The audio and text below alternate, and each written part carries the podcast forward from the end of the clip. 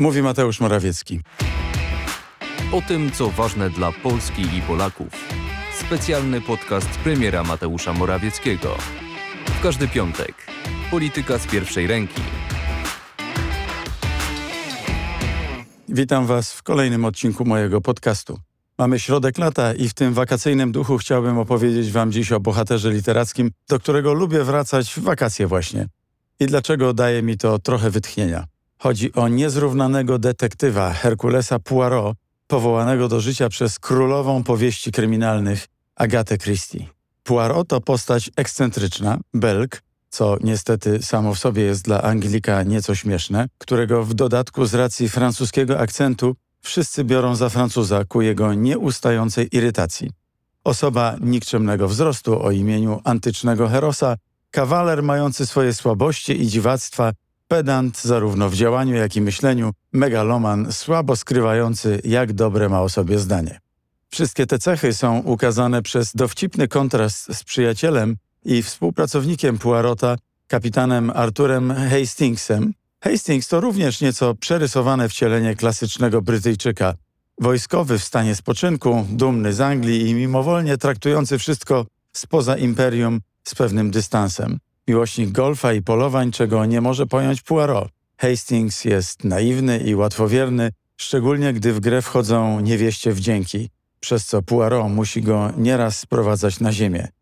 Zwolennik klasycznej angielskiej elegancji, uważający styl Poirota, m.in. buty lakierki, za przejaw dandyzmu, wieczny marzyciel, źle lokujący pieniądze i oczywiście wyjątkowo marny detektyw. Przez co Poirot powtarza, że sugestie Hastingsa naprowadziły go na właściwe rozwiązanie. Wystarczyło bowiem założyć, że jest odwrotnie niż wydedukował to kapitan. Jednak jako duet przyjaciele dopełniają się idealnie. Kapitan Hastings stanowi dobrą brytyjską rękojmię dla Poirota, zwłaszcza w oczach wyjątkowo nieufnych wobec cudzoziemców, Brytyjczyków pierwszej połowy XX wieku, wśród których nasz detektyw nieustannie się obraca z racji kolejnych spraw do rozwiązania. Poirot natomiast daje Hastingsowi liczne lekcje logicznego myślenia na przekór pozorom, emocjom czy sentymentom. Powieści z naszym Herkulesem należą do najczęściej ekranizowanych kryminałów z bogatego dorobku Agaty Christie. Detektywa grali wielcy aktorzy w historii kina.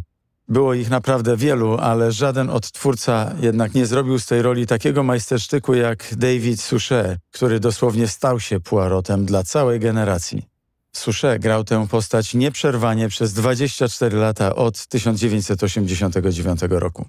Akcja rozgrywająca się w latach 20. i 30. XX wieku pozwala również wykorzystać całe piękno estetyczne tamtego okresu. Świat Herkulesa Poirot to świat starej Anglii, której już w ogromnej mierze nie ma.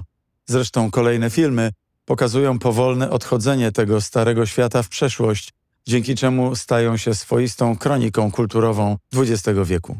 Natomiast sam Poirot oraz jego przyjaciele to ludzie starych czasów i, co ważniejsze, starych zasad. To dlatego Poirot zawsze na końcu zwycięża. Twardo trzyma się prawdy i to w zawierusze przemian okazuje się niezmienne.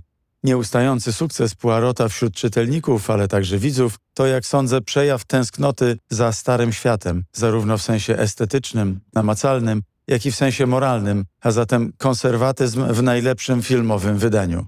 Poirot przywraca jasną granicę między dobrem i złem, nazywa zło po imieniu. Świat Herkulesa Poirot to świat ładu przywróconego. Myślę, że właśnie to poczucie, iż zachwiany ład zostaje przywrócony, sprawia, że właśnie te powieści kryminalne są tak chętnie czytane. Zwłaszcza właśnie wszystkie te klasyczne, w których nie ma nowoczesnej techniki kierującej postępami śledztwa, a same morderstwa są opisane z powściągliwością, bez epatowania krwawymi szczegółami. Przestępstwa są tu raczej punktem wyjścia do rozwiązania łamigłówki. Słynne szare komórki, o których sile mówi często Poirot, to dla nas, czytelników, nadzieja, że właśnie dzięki logicznemu rozumowaniu, spostrzegawczości i trafnej intuicji możemy zaprowadzić harmonię w naszym świecie.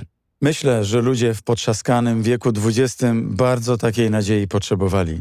Zresztą, czyż nie jest to uniwersalna potrzeba nas wszystkich? W literaturze polskiej znamy dobrze określenie ku pokrzepieniu serc, odnoszone najczęściej do Sienkiewicza. Ale czy klasyczne powieści kryminalne nie są także w istocie właśnie literaturą ku pokrzepieniu serc? Zostawiam Was z tą refleksją oraz zachęcam do przypomnienia sobie którejś sprawy Herkulesa Poirot. Dziękuję i do usłyszenia za tydzień. Mateusz Morawiecki. Podcast jest dostępny w serwisach Spotify, Google Podcast oraz Apple Podcast.